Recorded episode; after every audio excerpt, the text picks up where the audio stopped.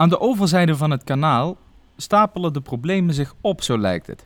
Want met de brexit nog in vol ornaat op het politieke bordje zorgt nu de coronacrisis voor een ongekende economische klap in het Verenigde Koninkrijk.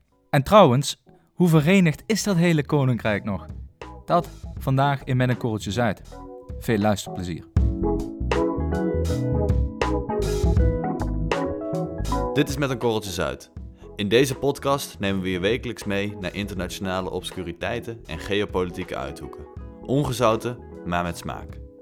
Wij zijn Max en Auke. Welkom.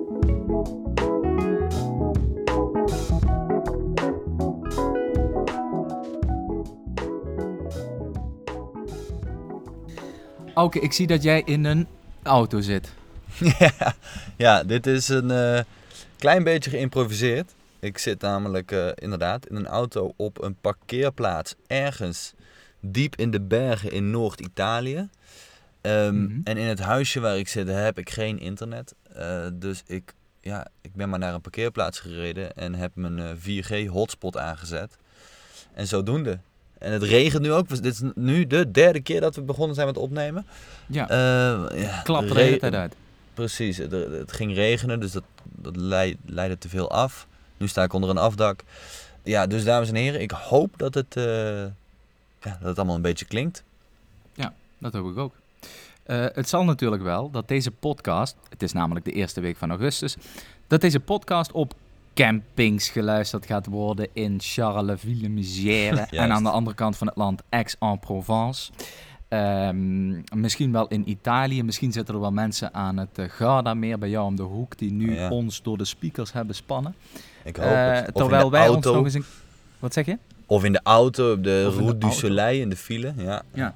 Terwijl wij ons nog eens professioneel druk maken over wat er gebeurt aan de overkant van het kanaal, namelijk in het Verenigd Koninkrijk.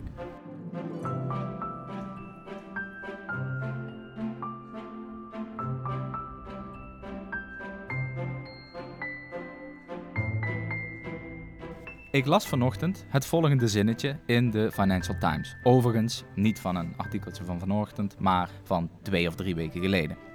Daar stond het volgende zinnetje in. The UK is on track to record the largest decline in gross domestic product for 300 years. Wauw. Ehm, ja, dat eh, vond ik nogal aan de pittige prijs. Dat eh, klinkt vrij fors, ja. Ehm Wauw, het grootste e- economische teruggang Setback. in 300 jaar tijd. Dat, eh, Ja, wat betreft het eh, bruto binnenlands product. Hè? ja, en dat komt dan door de Brexit? Dat zal er eh, natuurlijk heel erg mee te maken hebben.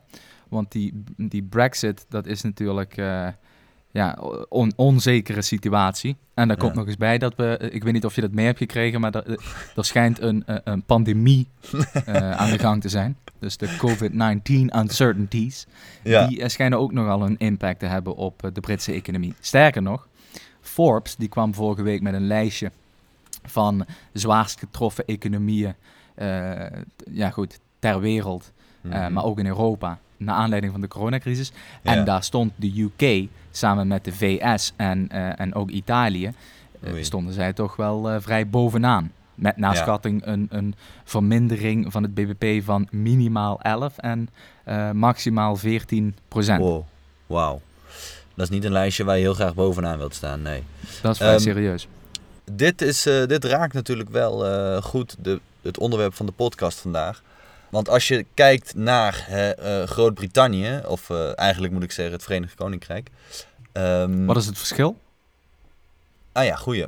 Ehm, nou, eh, het verschil is eigenlijk dat het, ja, het Verenigd Koninkrijk is de echte naam. Dus net als dat we in het Engels The Netherlands zijn en niet Holland, ehm, is het de United Kingdom is de echte naam. En Groot-Brittannië slaat dan eigenlijk alleen op dat, dat grote eiland naast ons. Maar dat is dus alleen Engeland, Wales en Schotland. Maar ze hebben ook nog Noord-Ierland erbij. Maar dat valt dus niet in Groot-Brittannië. En een hele ehm, zak met eh overzeese gebiedjes. Ja, die hebben ze ook nog. Ja, Zoals dus daar dat- zijn. Jij, je- wat zijn er? Jij kent dat. Jij, jij kent die, die Ik ken er wel een paar, ja. Dus ze hebben de Pitcairn Islands. Ze hebben nog de... Hoe heet het nou bij, bij Argentinië, waar die hele oorlog om, om is gevoerd? De Falkland-eilanden? Falkland-eilanden, heel juist, juist, juist. Ja, dat hebben ze nog inderdaad. En nog wel een aantal. Ik, ik weet ze niet allemaal, uh, vergeef me. Um, maar ja, dus uh, de grootste economische achteruitgang in 300 jaar tijd. Ja, dat, dat, dat, dat is natuurlijk wel een goed onderwerp. Want als we kijken naar het Verenigd Koninkrijk en we zoomen een beetje uit, en dan bedoel ik historisch gezien, dus we, we, we zoomen de tijdlijn een beetje uit, ja, dan zie je wel iets raars. Namelijk dat letterlijk 100 jaar geleden, 1920, had Groot-Brittannië een. Zeg ik weer Groot-Brittannië. Dus uh, nou, Groot-Brittannië had 100 jaar geleden het allergrootste rijk op aarde. En dan niet zomaar het grootste rijk op aarde, maar ook nog eens het allergrootste rijk dat ooit op aarde bestaan heeft. Zij hadden destijds, uh, naar schatting, een landoppervlak wat 26% van de hele aarde besloeg. Dus een kwart van al het land op aarde was van de Britten. Dan doe je redelijk mee, zou ik zeggen. Ja, dan ben je een grote jongen. Dus kon, uh, Genghis Khan kon daar zijn, nog een puntje aan zuigen. Ja, die had uiteindelijk het Tweede Rijk trouwens, Mongolen. Um, ja, dus die kan daar een ja. Um, ja, en zodoende, 100 jaar later, zitten we met een, uh, een eiland aan de overkant van, van het kanaal, wat in de clinch ligt met de Europese Unie. Wat ook veel kritiek krijgt inderdaad op zijn corona-aanpak. Het loopt allemaal niet zo lekker. Ik denk dat ze daar 100 jaar geleden toch anders op hadden gehoopt. Ja. Kun jij eens uh, uitleggen hoe hmm. zij, uh, of kun, laten we daar eens met z'n tweeën over filosoferen. Je hoeft dat niet uh, meteen helemaal uit te leggen. um, maar hoe kan het nou dat zoiets als de Pax Britannica, hè, dus yeah. de, de 19e eeuw waarin, uh, ja goed, de, het Verenigd Koninkrijk toch een soort hegemon was, die hadden het voor het zeggen. Ja, ja zeker Hoe kan het dat dat zo afkalft? Ja, ja, ja, ja, je zegt het goed. Ze waren inderdaad de hele 19e eeuw pak een beetje, de hele 19e eeuw, waren zij de oppermacht van de wereld. Zij hadden het voor het zeggen, zij waren de baas. Het ging daar economisch als een tierenlier. Ja, en inderdaad, daar zijn, dat, dat, dat, daar zijn toch wat deuken ingeslagen dan. Ja, en waar dat op komt, ja, dat is natuurlijk iets waar je bibliotheken over vol uh, kan schrijven en ook zeker is gebeurd. Dus uh, dat kunnen we natuurlijk niet helemaal in een podcast van een half uur vatten. Maar ik denk dat, ik ben... Stel het zou kunnen, dan zouden we dat ook niet doen. nee, wij hebben die bibliotheken ook niet helemaal uitgelezen. Niet, we hebben, de, we hebben die, die, die, niet alle bibliotheken helemaal uitgelezen. We zijn, dus, nog, we zijn nog bezig. Kan ook niet. Um, maar ik denk dat de kern toch wel is dat uh, de Britten, ja, begin 20e eeuw, toen het nog zo lekker ging, kregen zij niet één wereldoorlog voor hun kiezen, maar twee. En iedere wereldleider ooit uit de geschiedenis zal je vertellen dat het voeren van een oorlog gewoon ontzettend veel geld kost. Of je hem nou wint of verliest, het kost je gewoon klauwen vol geld om al die manschappen uh, te onderhouden en eten te geven. En dat is, dat, dat, dat is een uh, financial suicide bijna.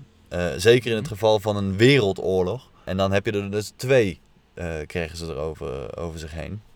Maar hetzelfde um, geldt natuurlijk voor Amerika. Ja, nou ja, kijk, want het ding is natuurlijk dat na de Tweede Wereldoorlog zullen weinig mensen betwisten dat Amerika toen de wereldleider werd. Maar Amerika heeft natuurlijk, um, die hebben die wereldoorlogen iets minder te verduren gekregen. Er is niet op Amerikaans grondgebied, ja goed, Pearl Harbor, uh, is er niet gevochten. Uh, zij zijn laat, veel later in die oorlog betrokken geraakt. Dus zij hebben dat in veel mindere mate, ja, uh, hebben ze daar last van gehad. Gaat. Juist, mm -hmm. juist, juist. Ja, en die Britten die hebben dat wel vol gas over zich heen gekregen. Dus jij denkt het ligt aan die, uh, aan die oorlogen die ze hebben moeten vechten? Ja, ja, ja. En, en nou, daarnaast komt nog dat zij dus uh, voor die wereldoorlogen hadden ze dus het grootste rijk, hè, met al die koloniën over de hele wereld. Ja, en koloniën onderhouden is ook gewoon heel duur. Dat, is, dat is een vrij dure hobby, zeg maar dus dat werd dan al snel natuurlijk afgeschreven. Maar er kwam ook nog eens bij, dat ging een beetje hand in hand. Dat eh, na het einde van de Tweede Wereldoorlog zo'n wereldbeeld van het hebben van koloniën. Uh, begon toch wel drastisch te veranderen in de, in de westerse wereld. Dat, dat ja, dat kon toch mhm. eigenlijk niet meer. Hè? Sowieso mm slavenhandel, nou dat was er al niet meer. Maar hè, jij daar als Britse aristocratische imperialist op eh, Zuid-Indische eilanden daar een beetje de dienst uitmaken. Ja, dat was toch iets wat van vroeger was. Eh, en dat begon toch... Ja, dat kon niet meer. Zo zag je ook dat Nederland dus eh, Suriname, Indonesië, die werden ook allemaal onafhankelijk. Dus dat wereldbeeld veranderde gewoon heel erg. Dus ik denk dat dat wel het, eh, een voorname reden is, ja. Je had natuurlijk zo'n zo'n hegemon in de 19e eeuw. Dat was Mhm. natuurlijk, eh, en dat heeft met polariteit te maken. Met andere Ja. woorden, hoeveel ja, poppetjes doen mee voor de macht, zeg maar. Ja, En in de 19e eeuw was dat in principe gewoon een unipolaire hegemon. Met andere woorden, die hoefde echt niks te dulden van, eh, van een of andere China of van een Vietnam of eh, zelfs niet eens van een VS. nee, Dus ze waren in konden- principe, het was gewoon een one-man fight. Ze, ze, ze Juist, hadden, hè, ze hadden geen, eh, niet te veel concurrentie, inderdaad. juist. En ze hadden ook een intellectuele hegemonie. Ons denken, of de manier waarop wij bijvoorbeeld zo over vrijhandel denken, of, of kapitalisme trouwens in, in, in, eh, in het algemeen, dat is wel een, een Britse erfenis. Eh, ik noem namen als Adam Smith, John Locke, John Stuart Mill, weet ik veel, eh, Jeremy Bentham. Ricardo. Dat zijn toch allemaal mannen die vorm hebben gegeven aan hoe wij nu denken over, eh, eh, over, over geld verdienen. Laat ik het zo even Ja. makkelijk zeggen. Nou ja, en- ook gewoon ons, ons, ons wereldbeeld heeft ook wel een basis in dat... eh, ja, dat, dat komt ook wel uit die Britten voort. Ja, niet helemaal Mhm. natuurlijk, maar dat, dat zeker. Ja, ja, ja. Mhm. Maar je denkt dus, ja, ze zitten... Ze willen nu niet zo makkelijk veranderen. Ik denk dat Britten eh, in die zin, hè, dus in de politieke zin, of in de Mhm. politiek-filosofische zin zou ik bijna willen zeggen, moeite hebben met het accepteren van hun, eh, van hun decline. Ja, en ja, eh, ja, het punt is, het Verenigd Koninkrijk valt en staat natuurlijk, net zoals iedere andere hegemon, met eh, grondstoffen. Eh. En met de, toegang tot die grondstoffen. En aangezien er helemaal niks ligt op dat eiland, zullen ze het moeten halen op andere plekken. Maar als dan vervolgens die andere plekken dat niet meer zo graag willen, ja, dan heb je natuurlijk wel een ontzettend dik probleem. Mhm. Nu is het zo dat eh, in het Verenigd Koninkrijk, en dan bedoel ik eigenlijk eh, met name Londen. Kijk, Londen is een stad die, die is zo groot omdat ze services verhandelen. Mhm. En daarmee eh, concurreren ze niet met, laten we zeggen, Lissabon en Warschau. Maar Londen concurreert met New York, Singapore, Shanghai, met de grote jongens. Eh. Tegenwoordig is het zo dat services, oftewel ideeën, oftewel theorie, eh, Mhm. die, die zijn heel makkelijk kopieerbaar. Snap je? Een, een goudmijn ga je niet kopiëren, maar eh, hele Ja. goede financial services, ja, die heb je natuurlijk nu ook in China. En die heb je natuurlijk nu ook in ja, eh, heel veel verschillende landen. Dus zo'n concurrentiepositie neemt natuurlijk wel sterk af. Die gasten zitten nog met een soort 19e eeuwse filosofie over de. Of met een. Ik denk dat ze zitten met een 19e eeuwse gedachtegoed. Waarin zij eh, de big ballers zijn op het gebied van eh, eh, services. Maar dat, dat, is natuurlijk. Dat, dat Nou neemt natuurlijk heel snel af. ja, zij waren in de 19e eeuw natuurlijk wel echt de baas.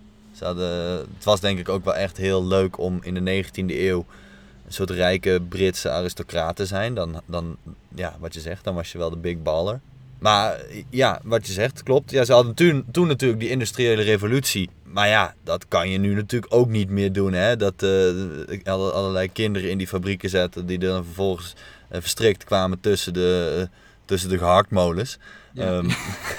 Dat is echt die eh, HAVO 3, eh, geschiedenisles 4, paragraaf 2 eh, anekdote die altijd naar voren komt. Hoe in Leeds kinderen onder die, onder die eh, machines inkropen en er vervolgens daar in acht stukken tussenuit kwamen. Ja, Ja, ja. nee, dat, dat, dat kan nu natuurlijk niet meer. Maar inderdaad, ja, Dus- eh, ja, Ja, ik kort wou- gezegd, simpel gezegd, eh, die, de zwakte van dat, van dat Groot-Brittannië, of het Verenigd Mhm. Koninkrijk, excuseer het zit natuurlijk in het feit dat je hun unique selling point gewoon kunt kopiëren. En dat doen ze dus ook.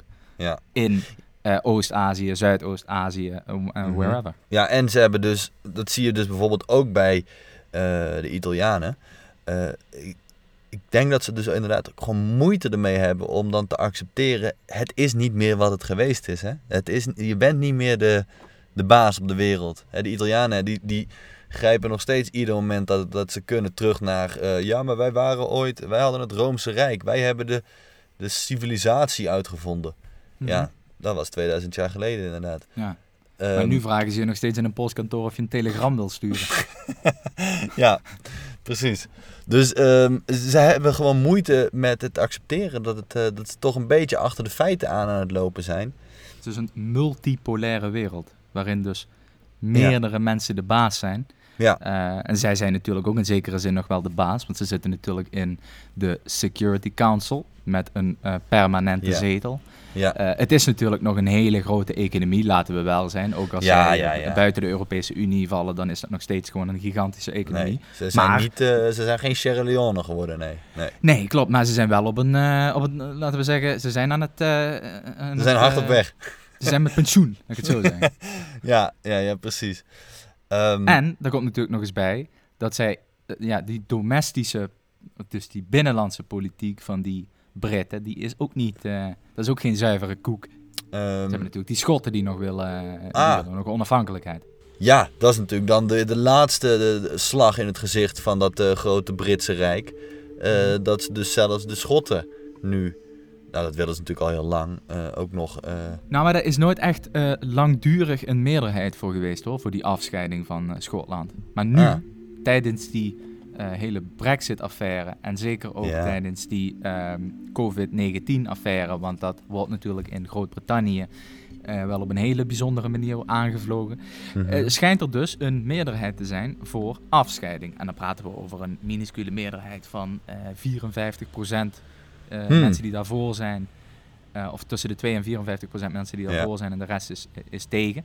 Maar Ja. stel, ze zouden vandaag dus stemmen over de onafhankelijkheid van Schotland. ja. Dan zou dat waarschijnlijk eh, een ja worden. Oei. Ja, en dan, dan zouden ze, eh, en dan worden ze echt onafhankelijk. Nou ja, dat is Nou natuurlijk een referendum. Dan heb je nog niet, dat is nog niet, eh, Nee, dat is dan niet, zeg maar. nee, nee, precies. Het is niet van we doen het referendum en het- hetzelfde uur dat die uitslag bekend wordt, dan rollen we een, een, een stukje prikkeldraad eh, ergens net boven Leeds uit en dan is dat zo. en dan zijn we vervolgens onze eigen staat. Nee, dat, het is net zoals de brexit. Dat is natuurlijk een, een, een, een politiek proces. Dat duurt natuurlijk Eeuwen. ontzettend lang. Er zitten allemaal haken en ogen aan, et cetera, et cetera. ja, ja, Ik denk overigens ook dat de meeste landen die onafhankelijk willen zijn, totaal geen idee hebben wat het inhoudt om je land op een dusdanige manier te organiseren dat het ook onafhankelijk kan functioneren. Desalniettemin, ja, dat speelt natuurlijk wel eh, in Groot-Brittannië tot Mhm. grote ergernis en ook zorgen van onze grote vriend en fan van de podcast en vriend van de podcast Boris Johnson. Want eh, hij krijgt natuurlijk een dikke kop van die, van die, van die schotten. ja, Want je wil Ja. natuurlijk wel dat iedereen een beetje eensgezind achter jouw ja, politieke keuze staat. Zeker op het moment dat je zeg maar, aan het losweken bent van je eh, allies. In dit geval Ja. de Europese Unie. Maar daar hebben de Britten wel wat op bedacht. Althans, eh, dat is niet een recente uitvinding van ze. En dan heb ik het over dat je wil dat iedereen een beetje eensgezind is. Ze hebben namelijk het Britse Koningshuis, de monarchie. En eh, dat is me er eentje. Die zitten daar al een jaar of duizend Mhm. eh, in het zadel. En die gaan nog steeds, die zijn onverminderd populair. Ehm, je moet in, Brit- in Groot-Brittannië niet aankomen met eh, republikeinse ideeën. Mhm. Daar moeten ze niks van hebben. Maar dat is eigenlijk best wel raar, toch? Dat, dat, dat, dat ze zo populair zijn. En ja, zij zijn natuurlijk een... Nou, vind je dat raar? Ja, ik vind dat raar. Maar ik weet toevallig dat jij wel een uh, koningshuisgezind figuur bent. Nou, het is... eh, nou, die Britten die zijn natuurlijk... Het, het, het, volgende is raar. Dat zij na de Tweede Wereldoorlog, net als heel Europa, e- economisch volledig in puin lagen. En toen kwam onze grote vriendin Elizabeth, eh, werd koningin. En die moest natuurlijk eh, in het zadel gehesen worden, troon op haar hoofd en een hele ceremonie daaromheen. En toen hebben ze wel besloten van, dat was in de jaren 50 dus, hè. eh, we gaan dat eh, wel gewoon in, in, in zijn volle glorie doen. Dat gaat ons miljoenen kosten. Eh, we gaan dat in volle glorie doen. Dat is natuurlijk een beetje raar. Je hele land ligt in puin. Maar dat heeft heel goed voor ze uitgepakt. Ehm, want zo'n koningshuis helpt dus heel erg met een volk ja, eensgezind te laten voelen. Het, het hebben van een koningshuis is eigenlijk een beetje hetzelfde als Het Nederlands elftal. het hebben. Ja, ook. Ja, zeker. Dat je dus met z'n allen achter een, een groep of iets kan gaan staan. wat verder eigenlijk helemaal geen betekenis heeft. Maar Ja. ook, eh, het doet me ook een beetje denken aan een soort loterij. Het idee van een loterij is natuurlijk. Ja, als je rationeel bent, dan weet je dat ga- die ga je niet winnen. Maar het is altijd wel heel leuk om ervan te dromen wat je gaat doen met die 10 miljoen euro. Ehm, en hetzelfde is, een, is, een, is koningshuis. Het is heel fijn als jij in eh, Liverpool in de, in de fabriek staat en je werkt uh, 40 of 50 uur in de week en het zweet staat je op je rug. Uh, dat als je dan thuis komt, dat je dan eigenlijk een beetje kan, kan verdwalen of kan wegdromen in zo'n sprookjesfamilie die in zo'n, ja, die Britten, die Britten zijn gewoon heel, heel goed in het hebben van een koningshuis. Die zijn, die zijn gewoon Nou. hele goede koningen en koninginnen, want die Nou, weten nou, precies. Nou, nou, nou. Twee maanden geleden, of misschien drie, kwam toch naar Ja. buiten dat eh, de, de kroonprins, of de, de Ja. weet ik veel, een andere Ja. prins, dat hij zich toch op eh, dubieuze feestjes heeft laten zien, et cetera. Ja, ja, ja. Dus ze blijven niet geheel buiten, eh, Nee. buiten Nou, de hoek kijk, waar ik, de klappen maak, ik vallen. maak hem even af. Wat ik dus wou zeggen, het is gewoon fijn voor mensen om weg te dromen in een sprookjesverhaal. En die Britten doen dat heel goed met zo'n... Ja, als je ooit in Londen bent geweest, dan heb je natuurlijk dat Buckingham Palace wel gezien. Dat is, me er, dat is wel imposant, zeg maar. En ze hebben ook wel een, een enorm scala aan, aan symboliek om, die, om dat koningshuis heen hangen. Veel, veel meer dan wij in Nederland hebben. Om de drie Ehm, weken komt weer een Netflix-serie van acht seizoenen en Ja. 24 episodes eh, over, die, over de beste mensen. Ja, en, zij, en het, het Brits Koningshuis, zij, zij organiseren het ook echt als een, ja, bijna een, een heel strak geregisseerd marketingbedrijf. En die Prins Andrew, ik denk dat eh, zijn moeder daar toch eh, niet blij mee is. Nee, hij wordt dan ook... eh, Zo, dat is wel een hele scherpe analyse. Nou, je ziet dus bijvoorbeeld dat hij sinds, sinds vorig jaar heeft hij zo'n bizar interview gegeven. Ik denk dat sowieso zijn moeder daar al geen toestemming voor zou geven. Maar sindsdien is hij nergens meer gezien. Is hij niet in het openbaar. Af en toe laat hij iets via zijn advocaten horen, maar ja, mij wordt weggewerkt hij- uit het publieke Ja. domein. Ja, ja precies.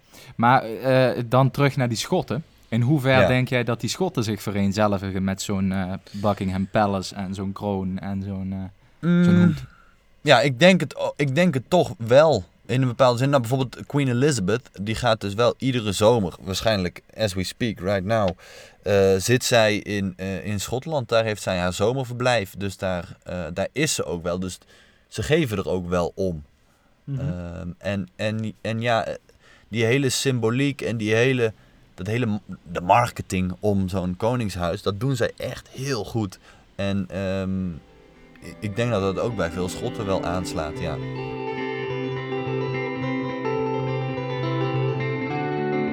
Hey, dan even iets anders, eh, Max. Eh, over die patches gesproken. We hebben www.patje.af slash korreltjesuit. Daar kunnen mensen eh, een kleine donatie achterlaten waar ze dan wat voor terugkrijgen. Eh, nu had ik het volgende bedacht. Luister. Jij wordt vaak gecomplimenteerd op jouw eh, Haagse uitspraak. Die ja, hoor maar ik, eh, nooit, nooit door Hagenezen. Nee? Ah, jammer. Eh, maar ik hoor hem toch vaak. En nu had ik bedacht, wat nu als wij het volgende tegen onze lieve luisteraars zeggen? Als wij voor de volgende podcast, eh, dus volgen, voor volgende week dinsdag, vijf nieuwe maandelijkse donateurs eh binnengesleept hebben, eh, dan doe jij een podcast in het Haags. Daar ga ik bij deze mee akkoord. Vet. Ja, Ja, het is ook Dus moeilijk. als je- kan nu ook moeilijk zeg maar midden in de podcast zeggen, nee dat doen we niet. Dus nee. bij deze. Vijf ja, petjes. mooi. Ja. En we doen het Dus, eh, dus als jij dit nu luistert en je denkt het is zaterdagavond, die jongens hebben dat al lang binnen. Eh, nee, waarschijnlijk niet. Eh, hopelijk wel. Ga dan toch even naar www.patje.af slash korreltjesuit. En ja, voor het schamele bedrag van al 4 euro per maand ja, kun je meedoen. En dan, dat zou vet zijn. Dan zetten we je ook trouwens in een WhatsApp groep. Met allerlei andere mensen die dus doneren. En dan gaat Max in het Haags. Vijf mensen. Dan nu door met de podcast. Je ziet dan ook dat het Brits Koningshuis heel anders is dan eh, de Nederla- het Nederlandse. Wij in Nederland houden gewoon van, dat, hè, doe maar normaal, dan doe je al gek genoeg. Dus wij willen ook dat onze koning en zijn vrouw en zijn dochters, dat die heel aanraakbaar zijn. Dat zijn bijna normale mensen met een vleugje monarchie eromheen. Maar ze zijn, hè, die kids die gaan naar normale scholen in Den Haag. Die, dat moet allemaal niet te gek zijn. Ehm, Mhm. Maar dat is eigenlijk een hele rare manier van een koningshuis voeren.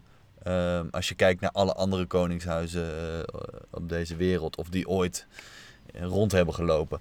Eh, Mhm. Die Britten die doen dat gewoon nog op die oude manier. Die moeten het helemaal niet aanraakbaar maken of, eh, of, Weet- of normaliseren. Dat moet gewoon... zo'n soort eh, goddelijke status. Precies, ja, ja, absoluut. Nou, je ziet daar trouwens wel veranderingen in hè, tegenwoordig met die Meg- Meghan, Meghan Markle. Dat was natuurlijk dat is een gewone meid, een burgermeid. Dat was Mhm. geen adellijke troela. Ja. Terug naar het Verenigd Koninkrijk in zijn algemeenheid. Wat denk jij nou dat er gaat gebeuren met zo'n land? Hè, dus ze gaan nu de Europese Unie verlaten. Mhm. Er is eh, een, een pandemic going on. Dit is trouwens een totaal niet te beantwoorden vraag, maar ik ga hem toch stellen. Ja. Er zijn wat separatisten in het noorden. Tja, er gebeuren natuurlijk heel veel dingen op het wereldse toneel die er wel eens voor Mhm. zouden kunnen zorgen dat de situatie in het Verenigd Koninkrijk wel drastisch gaat veranderen. Ja, het is koffiedik kijken eh, wat zo'n land gaat doen. Maar die gaat natuurlijk... eh, nou ja, die, die positie van wereldleider, die zijn ze kwijt. En die gaan ze ook niet meer terugkrijgen. Maar eh, die gaan niet snel vervallen eh, in een soort derde wereldland. Ehm, dat denk ik niet. Dus, eh, ik denk dat ze in de, gewoon in de middenmoot mee zullen blijven doen. Ja, het ligt er ook nog een beetje aan wat het, wat het koningshuis gaat doen. Hè. Queen Elizabeth is natuurlijk gewoon een hele goede koningin. Die heeft dat land wel... Mhm. ja, ze heeft dat land natuurlijk wel enigszins bij elkaar gehouden. Eh waar het niet dat ze dus wel groot deel van het rijk verloren is in haar eh, tijd. Ehm, Weet je trouwens even tussendoor, hè, en ik onderbreek je meteen, dat als die beste mevrouw sterft, Ja, eh, weet je wat dat gaat kosten? dat zal iets meer gaan kosten dan, eh, dan een gewone begrafenis. Ja, dan mijn begrafenis, ja. Ja, Nee, vertel. dat is dus naar schatting, en dat is natuurlijk heel moeilijk in te schatten, maar dat gaat de Britse economie dus, en dit is een hele grove, een hele, hele hoge schatting, ja. eh 7,5 tot 8 miljard kosten. En het zit hem dan vooral in het feit dat je dus met eh, ja, die dagen van, van rouw en economische setbacks, ligt je economie gewoon gedeeltelijk stil. En dan, heb je dus, eh, om, dan loop je dus omzet mis. Eh, Daar waar natuurlijk ook een begrafenis georganiseerd moet worden. En die wordt niet bij Walpot in, het, in IJsden eh, georganiseerd. maar dat is natuurlijk met een, met een ja, met, ik, ik- neem aan met een koets en nationale rouw. En op tv Ja, ja, ja. zijn natuurlijk is van alles en nog wat te zien. Daar is een heel protocol zit daar al aan vast. Dus het punt is ook dat haar begrafenis al miljoenen heeft gekost. Ik? Oh ja. Want dat hele protocol is natuurlijk al, al Ja. uitge- uitgerold. Eh, en dan moeten er een- natuurlijk ook allemaal nieuwe bankbiljetten gedrukt worden en dat soort zaken. Ja, ja, dat ja. staat daar en hoofd op. Ja. Natuurlijk ook overzees, hè? dus die, die Ja. moeten dan ook allemaal eh, nieuwe bank. Want ik neem aan dat ze in Pitcairn, daar, zal, daar zullen ze ook wel betalen met een munteenheid waar haar hoofd op staat. Dat denk ik wel, ja. Ehm, dus dat gaat wel wat knaakjes kosten. Ja, En ik denk dat dat ook wel goed aangeeft wat de impact is van zo'n eh, van zo'n dag. ja.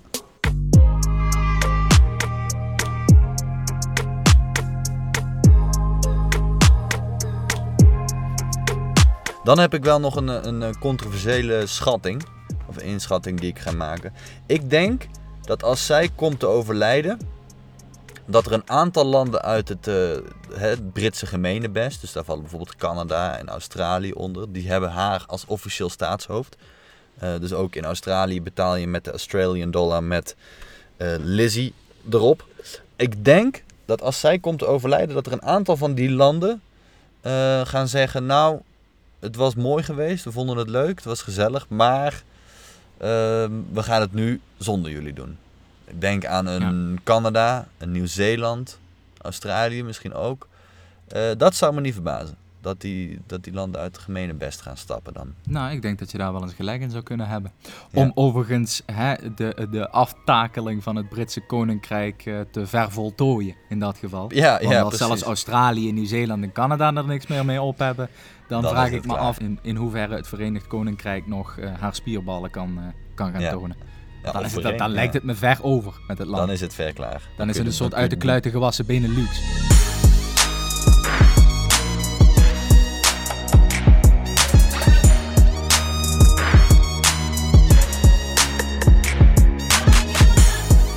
Dus tot zover eh, het Verenigd Koninkrijk. Het is natuurlijk, kijk, uiteindelijk is het gewoon een, een, een, een, een nat veld waar ze weigeren om het metrische systeem te introduceren.